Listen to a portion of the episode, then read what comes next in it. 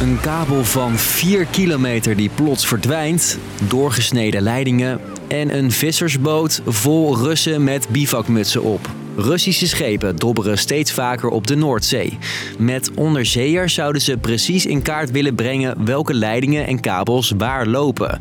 En dat kan heel gevaarlijk zijn voor Europa. Je kan de boel opblazen, je kan kabels doorknippen. Dan kun je een hele samenleving ontwrichten. Wat wil Rusland precies? En wat kunnen jij en ik daarvan gaan merken? Ik ben Steef en ik neem je mee naar de Noordzee. Lang verhaal kort. Een podcast van NOS op 3 en 3FM. We zetten voor dit verhaal eerst koers richting Noorwegen. Daar verdween twee jaar geleden plots een kilometerslange kabel van de bodem van de oceaan. En dat is niet het enige. Een paar maanden later blijkt een internetkabel doorgeknipt op Spitsbergen, een eiland vele kilometers boven Noorwegen. En voor onderzoekers een belangrijke plek, vertelt Scandinavië-correspondent Rolien Creton. Er wordt eh, klimaatonderzoek gedaan, maar daar wordt ook eh, onder andere data over scheeps- en vliegverkeer eh, verzameld. Noorse journalisten onderzoeken de zaak. En ze ontdekken dan een Russische vissersboot die 130 keer heen en weer heeft gevaren. Precies op de plek waar die kabels zijn vernield. Als kort daarna de oorlog in Oekraïne uitbreekt, spreken Scandinavische media af om samen onderzoek te doen naar wat Rusland allemaal uitvreet daar op de Noordzee. En deze week publiceerden ze daar een documentaire over. In de documentaire zie je de Deense journalist en een cameraman in een motorbootje naar dat uh, Russische schip varen. Dat schip, de Vladimirski, vaart op dat moment 18 kilometer van de Deense kust. En die cameraman eh, zegt dan op een gegeven moment: Ja, ik denk dat we moeten stoppen. Omdat hij door de lens een van de bemanningsleden ziet. in militair uniform, kogelvrij vest en een machinegeweer. Het lijkt er dus niet op dat die Russen daar zijn om een stukje paling aan de haak te slaan. Wat willen die Russen dan wel? De Russen zijn die hele infrastructuur op zee in kaart aan het brengen. Je hoort Frank Bekkers van HCSS. Dat is een instituut dat onder andere onderzoek doet naar de beveiliging van de Noordzee. En de gedachte is, ja, dat doen ze mogelijk wel om, als dat ooit eens een keer aan de hand is, om sabotageacties te kunnen plegen. En daarom is dit nieuws zo belangrijk. Want zoals ik net al vertelde, er liggen dus hele belangrijke kabels en leidingen in die zee. Vooral voor Europa heel belangrijk. Voor stroom, maar bijvoorbeeld ook voor internet.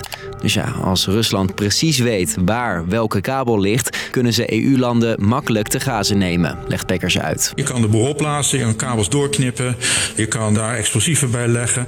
Dus je kan relatief simpel kan je, uh, schade brengen aan dat soort infrastructuur. En uiteindelijk betekent dat grote schade voor de Nederlandse economie. Want knippen ze daar een paar van die kabels door, dan kan het zijn dat. Elektriciteit wegvalt, internet uh, het niet meer doet. Met alle gevolgen van dien.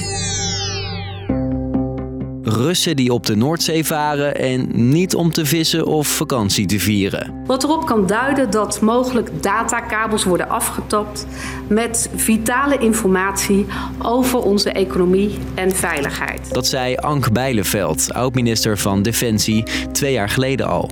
Het onderwerp staat dus ook bij de politiek op de kaart. Maar ingrijpen is lastig, legt Bekkers uit. Dat is het groot probleem. Dat is, een, dat is een lastig verhaal. We doen toch een poging dat lastige verhaal kort.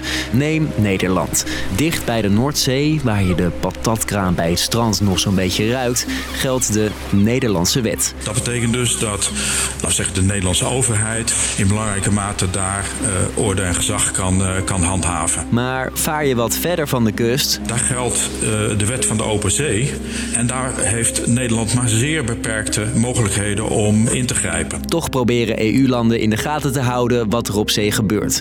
Zeker nadat er vorig jaar explosies waren bij Nord Stream, een belangrijke gasleiding in de Oostzee. Dat kan op afstand soms, dat kan met uh, onbemande vliegtuigjes, dat kan met schepen op zee, dat kan met uh, sensoren op zee. In België hebben ze zelfs een minister van Justitie en Noordzee. We willen ons beter uh, beschermen tegen inmenging door vreemde de mogendheden. Er gebeurt dus al een hoop, maar zegt Bekkers. Dat zal niet voldoende zijn, juist omdat het zo'n groot gebied betreft met allemaal uh, kabels, pijpleidingen en installaties. Het zou nog meer en beter kunnen. En ik vermoed ook dat dat wel gaat gebeuren.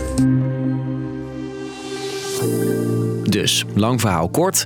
Russische schepen varen stiekem op de Noordzee om erachter te komen waar kabels en leidingen liggen. Doen ze misschien wel om later te kunnen saboteren. Want stel, ze knippen een aantal belangrijke kabels door, dan kunnen Europese landen in grote problemen komen. Was de podcast voor vandaag. Morgen duiken wij weer in een nieuwe aflevering. Tot dan!